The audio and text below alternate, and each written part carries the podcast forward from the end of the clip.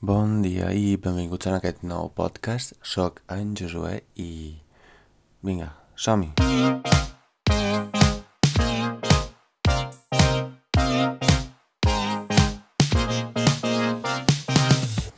Molt bé, doncs nosaltres no ens coneixem, doncs em presento, soc en Josué, tinc 21 anys i vinc d'Itàlia.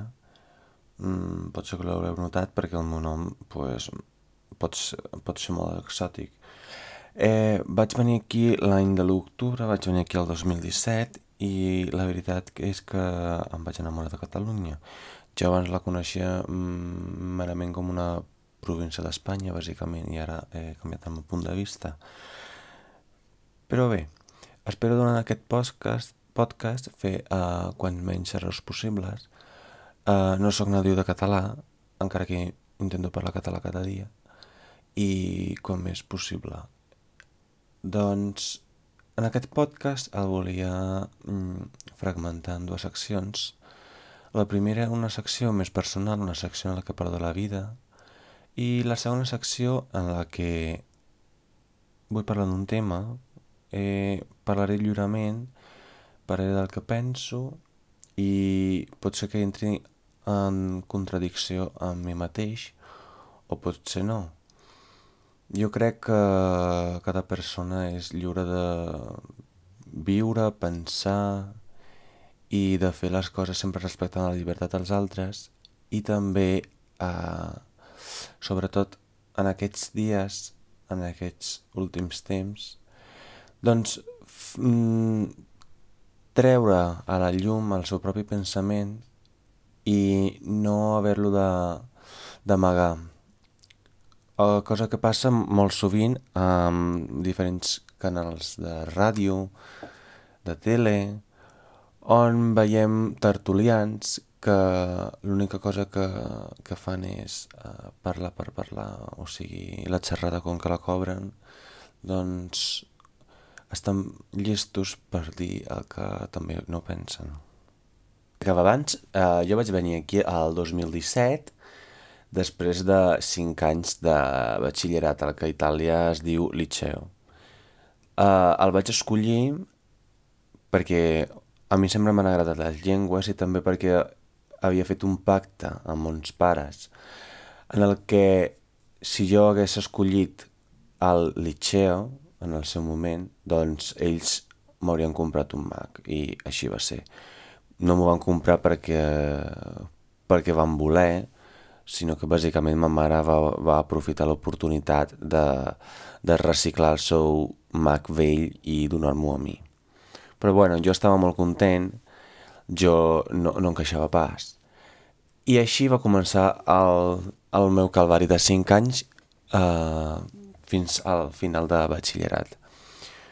Haig de reconèixer que batxillerat a mi m'agrada molt, eh, ha sigut una època molt divertida, una època en la que he tingut molta sort perquè no he tingut hepatitis, perquè jo sóc del Vèneto.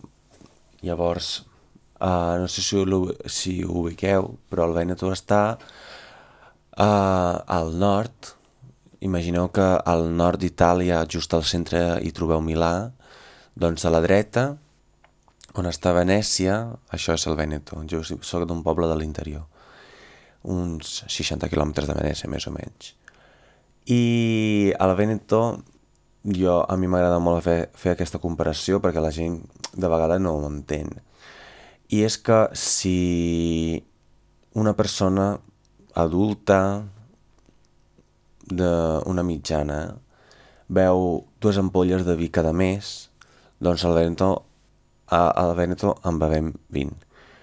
I, i és una cosa per, per la qual nosaltres n'estem molt orgullosos perquè recordo aquell dia en el que va sortir un article d'un escriptor o d'un fotògraf, ara no recordo ben bé, però són aquelles coses que, cau, que, que poden causar traumes i llavors el, el cervell directament les esborra. I aqu aquest fotògraf era molt famós perquè s'havia fet la seva marca de Prosecco, que és un vi que es podria fer una comparació com el cava. No. Però bueno, algo Burbujites sí que en té. Bombolletes, perdó. Ja, ja veureu que faig errors, sí, però jo intento sempre corregir-me al llarg del podcast i al llarg de les coses que dic. I la cosa divertida és que aquest fotògraf, o aquest periodista, doncs va escriure que al Veneto som uns borratxos, que només pensem en beure, pensem a passar-nos-ho bé, i... però que som uns borratxos, bàsicament. I en aquell moment pensava, però si tu tens una marca de vi, o sigui, tens una marca, tens unes parres, tens una vinya, però tu hauries d'estar content que nos, hauries d'estar molt content que nosaltres som els borratxos, perquè nosaltres comprarem el vi, perquè quan se'ns acabi el vi dels altres que no ens estan uh, dient que som uns borratxos, haurem de beure més vi, perquè mm, com cada addicció, pues, sempre en vols més. I clar, i, i aquesta persona que ens deia ai, que sous borratxos, jo pensava, bueno, i què? Això és molt bo pel negoci. I, i, i així va quedar la història, perquè després no se va saber res més d'aquest home, crec que encara està viu, però bueno, mmm, també us dic que al Veneto nosaltres som molt dels de, productes de la terra, o sigui, nosaltres eh, el Prosecco és de Treviso, no anem pas a buscar un Prosecco que sigui d'un altre lloc. I així va quedar, però sí que és cert que al Veneto es veu molt. I tothom, ara, ara bé perquè és conegut internacionalment, coneix l'Esprit Saperol. Ara bé, l'Esprit Saperol, l'Esprit Campari, l'Esprit Meso i Meso, aquest de Meso i Meso és, és el mig Aperol, mig Campari, que és una cosa que mm, es veu molt també. Perquè és el punt entre que m'agrada dolç però tampoc, però tampoc massa i m'agrada amarg però tampoc massa amarg i llavors encontres el mig mig i és cert que al Veneto acostumem a sortir molt a, a, a, a, a veure o a veure'ns depèn si li voleu posar una B baixa o una B alta. I mm, és molt divertit perquè uh, la cosa que he trobat molt bona tant d'aquí a Catalunya com allà al Veneto, és que la gent, a la gent li agrada molt sortir, però sortir per fer quedades. I llavors es troben al bar, aquí és més uh, l'estil de trobar-se en un bar, i de xerrar, prendre una cervesa, fer un, un, un, un picoteo... Ara bé, hauré de buscar el terme com es diu picoteo, però picoteo jo crec que un pica-pica. I és, és divertit perquè aquí la gent queda al bar i, i també directament sopa. Al Veneto nosaltres som molt més uh, garrepes en aquest sentit. Molt més estalviadors, per dir-ho bé. Uh, al Veneto directament quedem per veure no ens estalviem tot això que és el pica-pica, quatre patates, unes braves, unos callos, uh, uns cigrons, no sé què, un capipota de. O sigui, no, aquestes coses no, aquestes coses són el diumenge, quan vas a casa de la iaia i la iaia llavors et fa un cap... A Itàlia, per exemple, a casa meva la iaia em feia la lasanya, el que jo en diria pasticcio, perquè això, sort que tenim varietat lingüística. Però nosaltres a Veneto directament ens ho estalviem. Nosaltres directament quedem a les, a les 7 o a les 6, depèn del dia, depèn de si és de divendres a les 6, perquè llavors acabes de, de treballar i empalmes amb, amb, amb beure, i si és un dissabte a les 7, 7, 7 i mitja, 8. Doncs quedem directament i comencem a veure, comencem a veure un Spritz Aperol. El que aquí et cobren 9, 9 euros, per exemple, a, a Itàlia són 2,50 euros.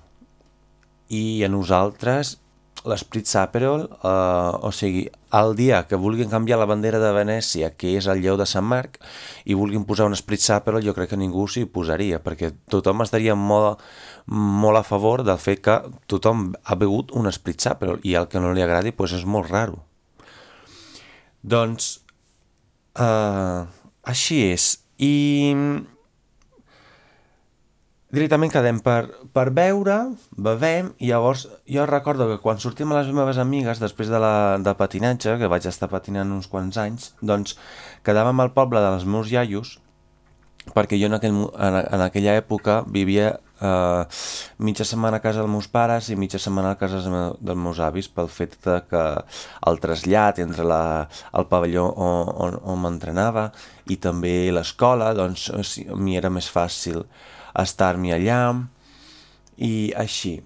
Doncs sempre quedàvem i quedàvem el, el divendres o el dissabte. Jo recordo que el divendres era el dia més guai perquè quedàvem a, a les 9 després de l'entrenament o a les 11, depenia del dia si teníem entrenament a les 9 o a les 11 i quedàvem al minibar i era un bar molt petit, un bar molt petit que significa que feia com a molt 3 per 5 metres, però 3 de llargada i 5 metres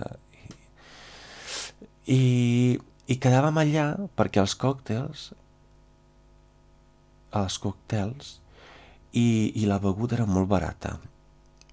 Però és cert que si aquí faig una comparació amb Barcelona perquè ara hi visc per exemple si aquí jo trobo un lloc que és molt barat jo no m'estic esperant una bona qualitat si en canvi és un lloc econòmic, jo sí que m'espero més qualitat.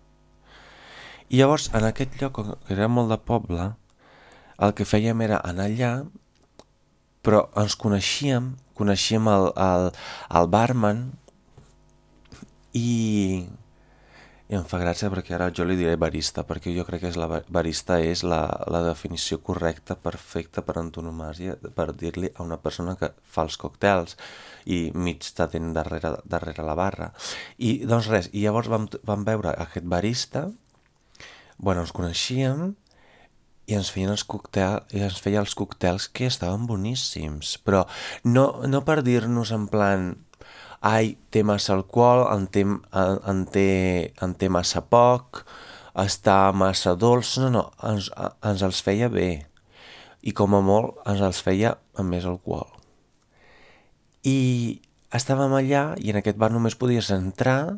Si feia molt de fred, llavors doncs, si trobaves un raconet t'hi posaves, et posaves allà, però la resta tu havies de passar fora, o sigui, jo recordo d'haver deixat la, la, el culet moltes vegades perquè Uh, no sé si, si, si sabeu, però a Itàlia és conegut com el, el, el país dels porxos.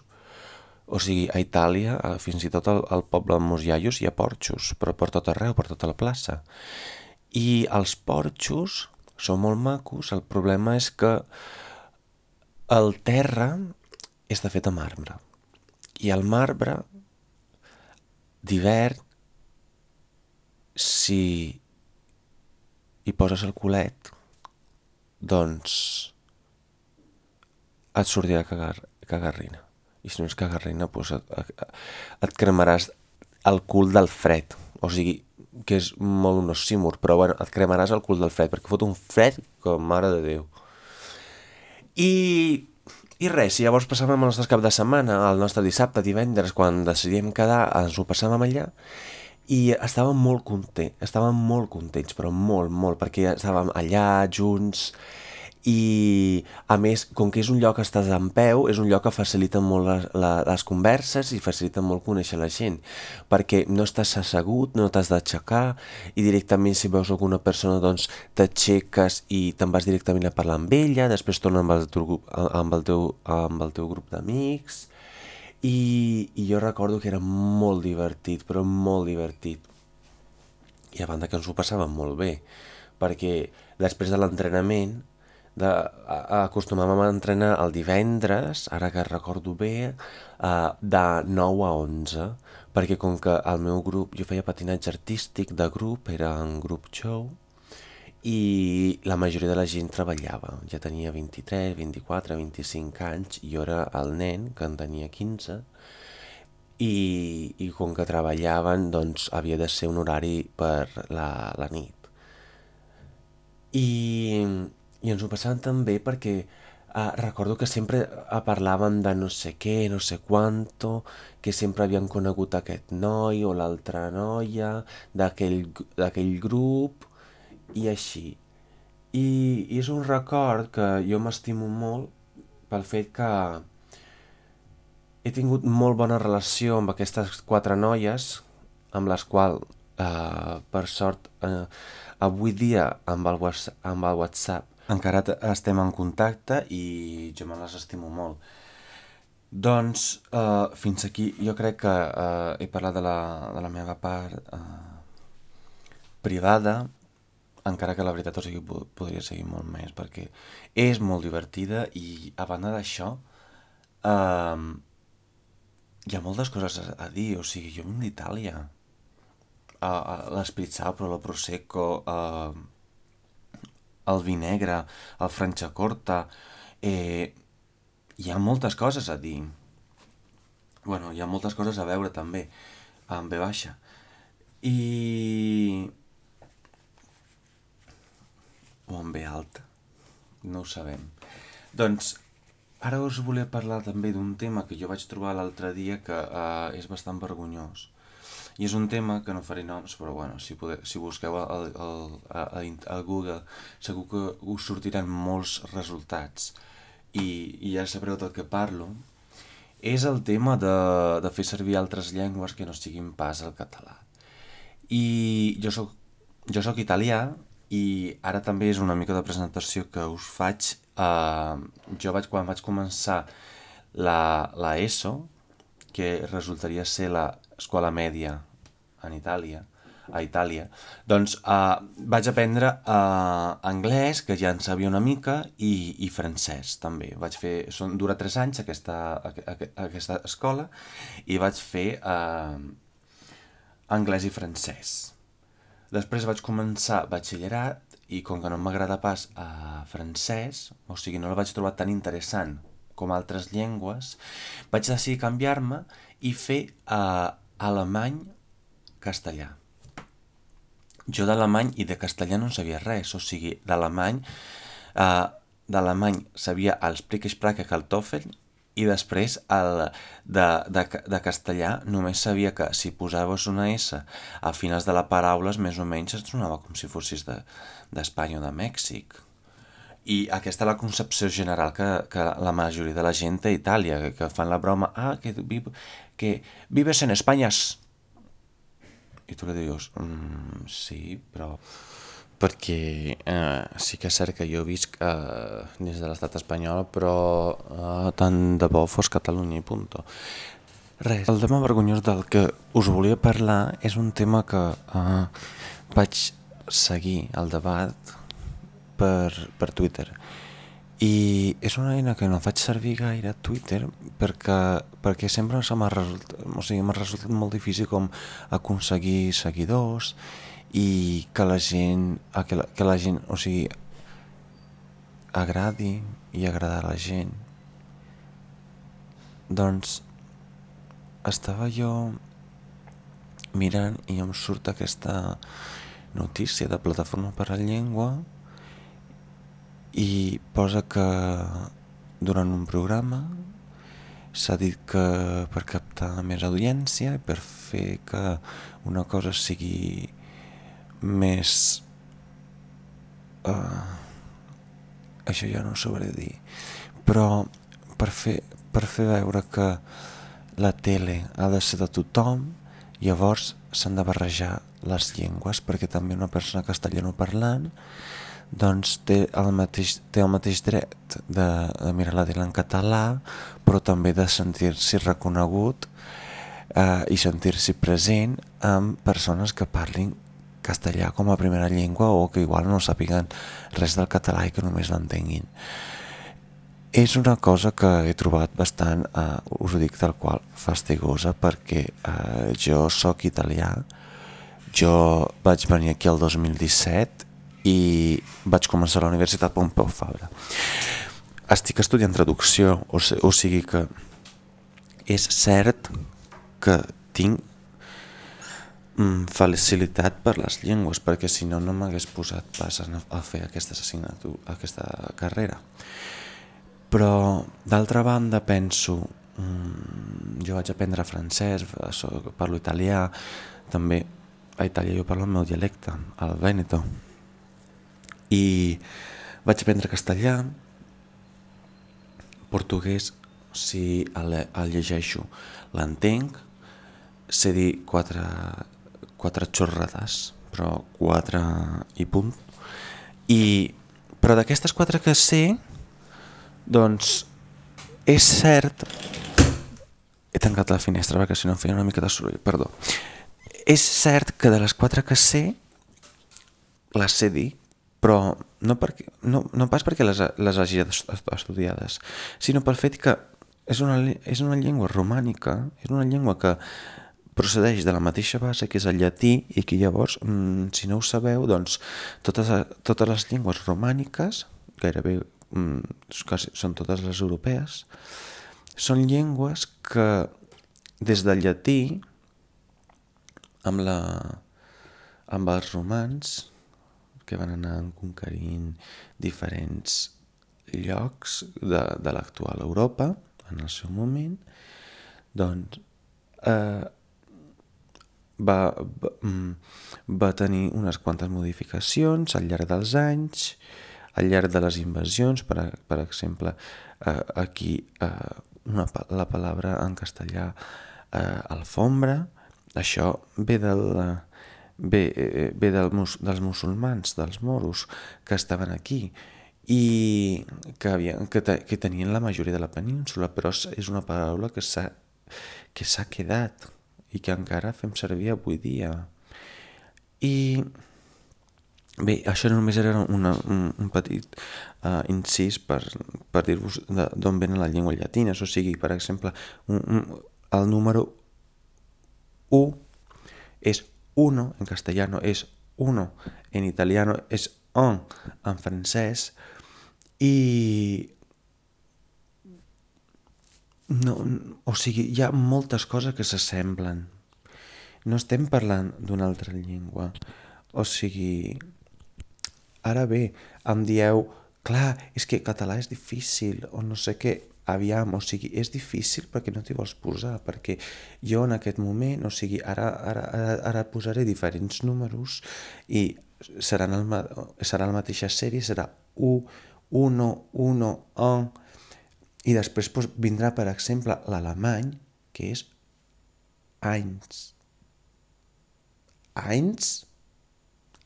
Heinz, què? La marca del ketchup? No. Eins és un en alemany però no té res a veure mm, ni, ni tan sols si com escriu ni com es pronuncia amb u, on, u, uno que tenim a diferents alt, a altres llengües. I, i res, i llavors em feia molta gràcia perquè uh, el presentador deia que el castellà és una part important i que ell estima molt el català perquè també és la llengua dels seus pares i Primer, mm, jo crec que eh, cada persona té el dret. Bé, doncs jo crec que cadascú té el dret i també té l'oportunitat de parlar la llengua que sigui, però sempre i quan respectem uns, uns límits, una, unes normes.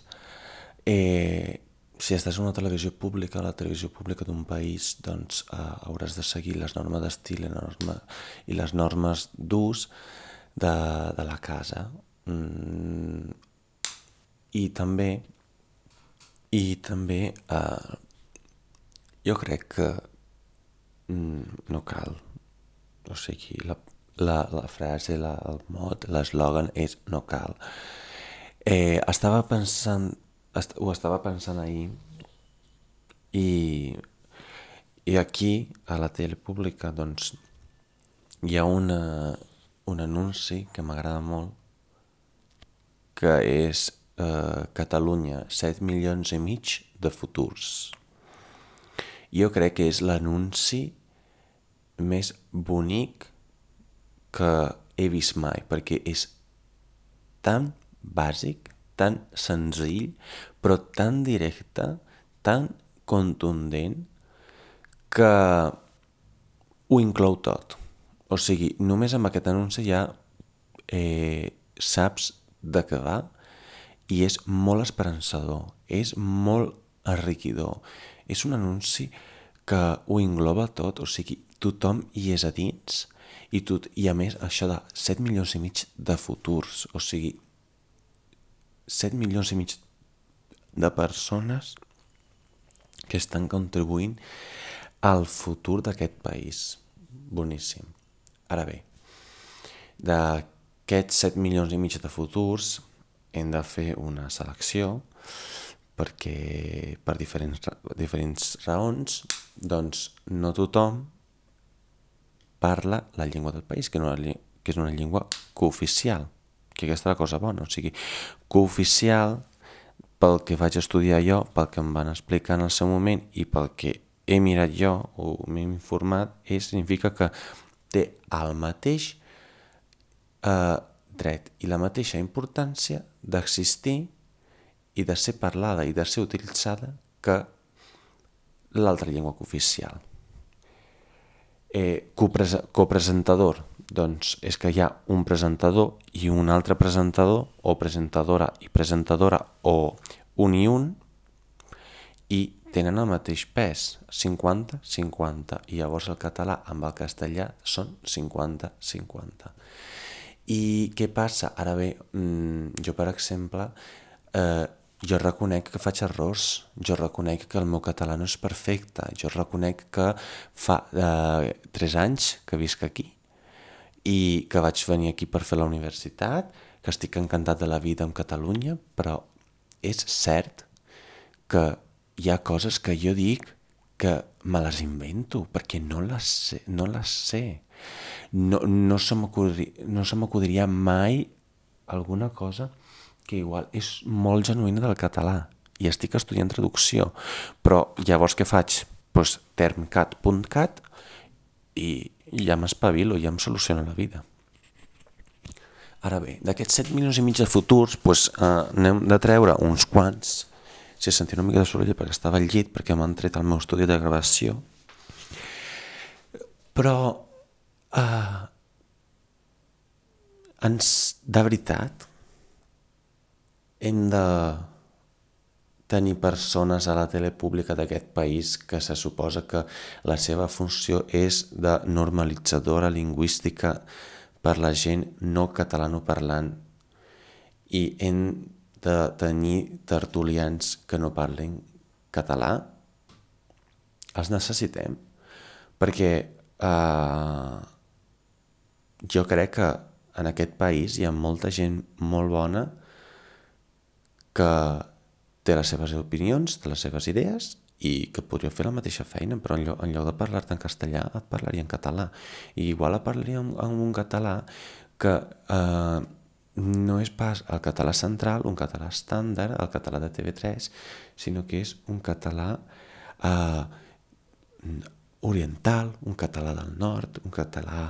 Per exemple, a mi m'encanta eh, l'accent que tenen Andorra, que la, la, les, les àton, la, les neutres no hi són per ells i m'encanta perquè és una altra manera de pronunciar la llengua i llavors és molt requidor també, o sigui, mm, ara bé, a, a mi personalment no m'agrada pas el parlar de Barcelona, el que se'n diu mm, Xava, que ara aquí ho, ho reconec, no m'hi he informat, no, no, no, no ho vull fer, perquè això ja no és una cosa que crec que no m'aportaria res, però uh, jo vaig venir aquí i jo, vaig, jo tenia un professor de català que em va ensenyar a dir les neutres, però ara bé, perquè jo perquè em vaig interessar en no seguir pas la tendència de Barcelona, perquè si no uh, parlaria sense neutres ni altres coses. Però hi ha molts, molts dialectes al català i, moltes pronunciacions i, molt, i moltes maneres de dir les coses en català genuïnes que, eh, o sigui, les podem trobar en moltes persones. I el problema de tot plegat és que d'aquestes persones, doncs, sempre resulta, i sort que no és la majoria, que hem de buscar les opinions en persones que parlin castellà. I és, és molt, molt bàsic, molt sintètic i també és molt visiu. Catalunya és cert que tenim 100 milions i mig de persones que hi viuen i a, a la resta de l'Estat, si tota l'Estat són 40, doncs 33, que estan repartits en les diferents comunitats autònomes. Hi ha comunitats que no tenen doble, doble llengua, que no tenen llengua cooficial, i llavors només miren la tele en castellà i la ràdio en castellà. Doncs d'aquest de la resta de comunitats no n'hi ha cap en la que s'estigui alguna persona que parli castellà i que, i que sigui prou bo per donar la seva opinió dins d'una cadena d'Espanya, els hem de buscar i els hem de portar aquí a Catalunya i, i no els estic recriminant res perquè jo uh, segueixo moltes persones que van venir aquí a Catalunya, no parlaven pas el català i avui dia parlen català i jo, no, jo en sóc l'exemple. A mi això de venir aquí a Catalunya i, uh, i posar l'excusa barata de es que aquí en Barcelona solo se habla, solo se habla casi catalán. Es que no he podido hablarlo porque es que no me entendía. No, perdona, és que aquí a Barcelona pues, suposadament és el lloc on menys català es parla. I més difícil és aprendre català i un català de veritat. Per què? Hi ha molta gent que va aprendre català i que molt de respecte. Ole! Hi ha molta gent que ve aquí no, i no aprèn català perquè és una llengua que, no, que diuen que no serveix. Però després es queixen perquè igual hi ha feines per les, per les quals ells sí que estan qualificats però que no els agafen perquè no parlen català. Per què? Perquè igual hi ha un públic, hi ha unes persones que no se senten còmodes parlant en castellà, perquè no és la seva primera llengua. I ho trobo legítim, ho trobo normal.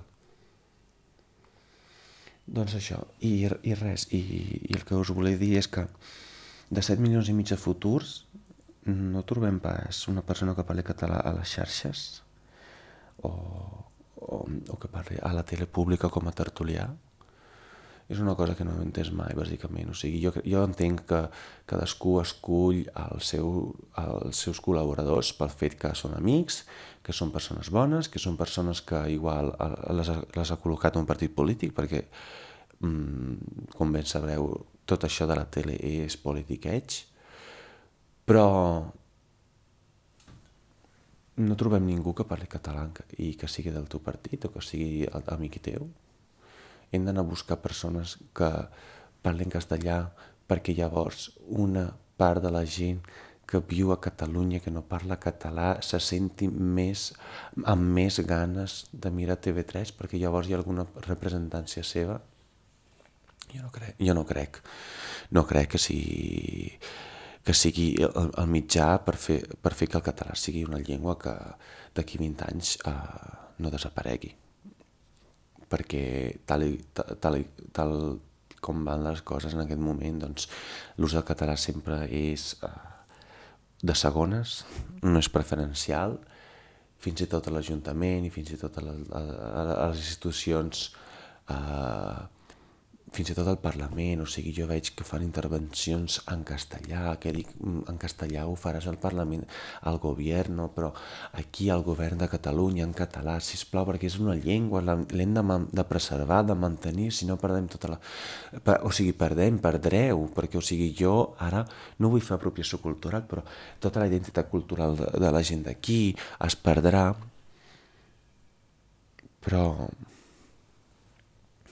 és un tema que jo crec que o des de la Generalitat i des dels que, els que, els que manen doncs es posen d'acord, encara que és difícil perquè ja, veie, ja estem veient en aquest moment el govern que ningú es posa d'acord, ningú, ni per fer una cervesa al cap de setmana, però es posen d'acord i posen les piles o si no el futur de català amb, amb, aquest, amb, aquest, amb aquest pretext eh, està destinat a la mort. O sigui, jo jo ja faré, jo faria, per exemple, una tum, un ataúd, una tumba, no sé com es diu, bueno, en Itàlia és una tomba, però bueno, doncs ja ho faria i posaria català.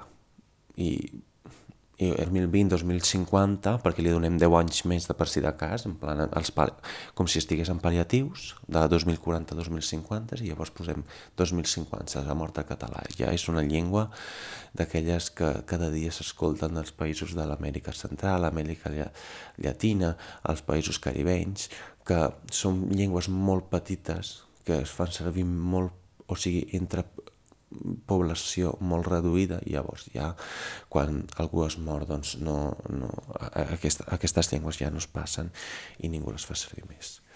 Doncs eh, fins aquí el podcast d'avui. Espero que us hagi entretingut amb el meu punt de vista i la meva vivència a Itàlia. I espero fer-ne més encara que jo ho faig per mi. O sigui, jo he de reconèixer que aquest podcast l'he fet per mi perquè m'agrada i crec que és una idea molt interessant perquè també tenia un micro a casa d'en Francesc i li vaig mangonear i l'estic fent, fent servir ara i, i bueno i, i espero que us vagi molt bé la setmana. Adeu